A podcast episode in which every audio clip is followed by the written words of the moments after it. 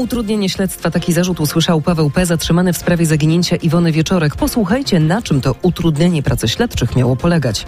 Jeszcze dziś współpracownicy premiera i prezydenta mają się spotkać. Tematem konsultacji w sprawie projektu zmian w sądach. W tych faktach także drogowy raport dla kierowców w Śląskiem i na Dolnym Śląsku. Będą też pachnące choinki pod choinkę od RMFFM. Zarzut utrudnienia śledztwa w sprawie zaginięcia Iwony Wieczorek usłyszał Paweł P., 34-latek, który 12 lat temu w noc zaginięcia gdańszczanki imprezował z nią. Po przesłuchaniu został zwolniony do domu. Podobnie jak zatrzymana z nim przedwczoraj w Trójmieście kobieta. Krzysztof Zasada zajmuje się tą sprawą. Krzysztofie, na czym miało polegać to utrudnianie śledztwa? Według Małopolskiego Wydziału Prokuratury Krajowej Paweł P. usuwał i zacierał ślady oraz dowody w sprawie zaginięcia Iwony Wieczorek. Podawał też nieprawdziwe informacje. Oprócz tego jemu i zatrzymanej z nim kobiecie prokuratura postawiła zarzuty narkotykowe. Podczas przeszukania w jego domu w październiku funkcjonariusze natrafili na środki odurzające. Wobec obojga z zatrzymanych zastosowano policyjny dozór, mają też zakaz opuszczania kraju, zabrano im paszporty. Dodatkowo wobec Pawła P. zastosowali poręczenie majątkowe w wysokości 50 tysięcy złotych. Będą konsultacje rządu i kancelarii prezydenta w sprawie projektu zmian w sądach. Jeszcze dziś dojdzie do spotkania współpracowników Mateusza Morawieckiego i Andrzeja Dudy. Prezydent stanowczo krytykuje przedstawione rozwiązanie i zarzuca politykom, że nie przedstawili mu wcześniej propozycji zmian. W faktach teraz warszawskie studio i Roch Kowalski. Witam Dzień Rochu. dobry. To dzisiejsze spotkanie wystarczy, żeby rozwiać wątpliwości? Nie wystarczy. Przed chwilą usłyszałem nieoficjalnie od współpracowników Andrzeja Dudy, że potrzebne będą dalsze konsultacje i kolejne rozmowy. Pierwsze odbyły się już wczoraj. Z prezydentem telefonicznie rozmawiali premier, minister do spraw europejskich i marszałek Sejmu. Andrzej Duda swojego krytycznego stanowiska nie zmienia. Nadal suge- sugeruje, że tak skonstruowanej ustawy sądowej nie podpisze. Jest moim obowiązkiem dopilnować także i tego, żeby ta ustawa była e, zgodna z konstytucją, E, a jeżeli mam wątpliwości, to oczywiście poddać ją sprawdzeniu konstytucyjnemu, a jeżeli są wątpliwości co do meritum, to także i zaprotestować wobec danej ustawy poprzez odmowę podpisu i weto. Ta krytyka prezydenta zrobiła na partii duże wrażenie. Do tego stopnia, że ministrowie nie mówią już, że jedynie rządowy projekt i to bez żadnych poprawek może odblokować unijne pieniądze. Premier na spóźnione konsultacje dał sobie i ministrom trzy tygodnie. Fakty drogowe w RMFFM. Dopiero po południu przestanie padać śnieg w Śląskiem. Tak wynika z prognoz. Intensywnie sypie już od kilku od godzin nocnych. Drogi są śliskie w wielu miejscach, białe lub pokryte błotem pośniegowym. Jeździ się fatalnie, ale zadbałem o to, żeby opony były wymienione na czas, to daję sobie radę jakoś. Bardzo źle się jechało. Myślałam, że jakieś służby odśnieżą, a niestety nie zobaczyliśmy żadnych.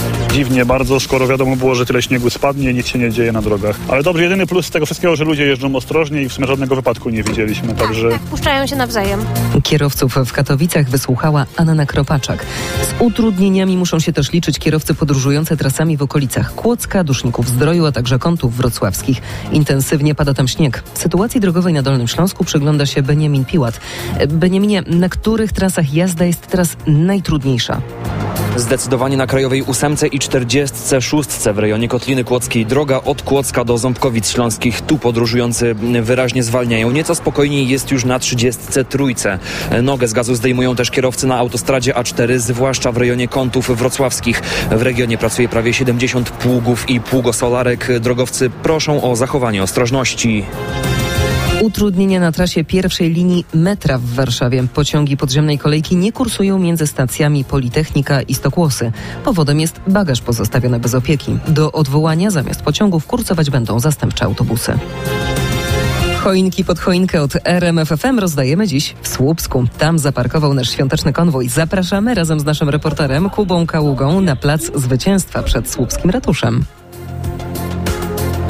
Witamy Kubo, słyszymy się? Dokładnie tak. Cały czas zapraszam jeszcze do 10.30. Jesteśmy tutaj i jak e, widzę, zapas choinek jeszcze jest. Ta kolejka wcale niewielka. E, po choinki niektórzy przyjechali naprawdę z daleka, jak na przykład pan Łukasz z Gorzowa Wielkopolskiego. Przyjechałem jeszcze z e, służbowymi sprawami, więc dzisiaj choinka zwiedzi tak naprawdę Słupsk, Koszalin, e, Szczecin i wyląduje w Gorzowie. Niedługa podróż służbowa. Będzie. My trasę mamy podobną, bo także zmierzamy do Koszalina. Tam szukajcie nas pod amfiteatrem. Czas akcji od 14 do 15.30. No oczywiście na tym nie kończymy, a szczegółowa trasa naszego konwoju dostępna jest na rmf24.pl.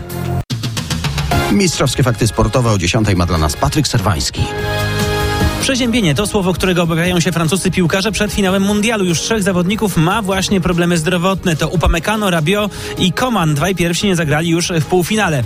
U Argentyńczyków wolny dostał wczoraj Leo Messi. Nie trenował z powodu lekkiego urazu mięśnia. Udaje go występ w finale, w finale ma być jednak niezagrożony. A czy ewentualne Mistrzostwo Świata zamknie dyskusję na temat piłkarskiej wielkości Leo Messiego?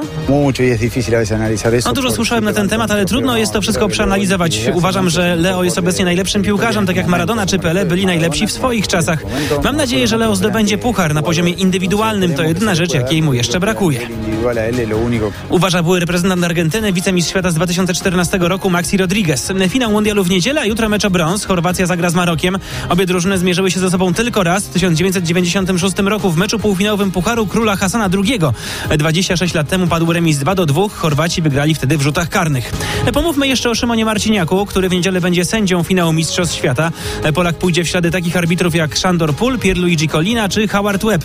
Bez wątpienia Marciniak na boisku wyróżnia się także aparycją.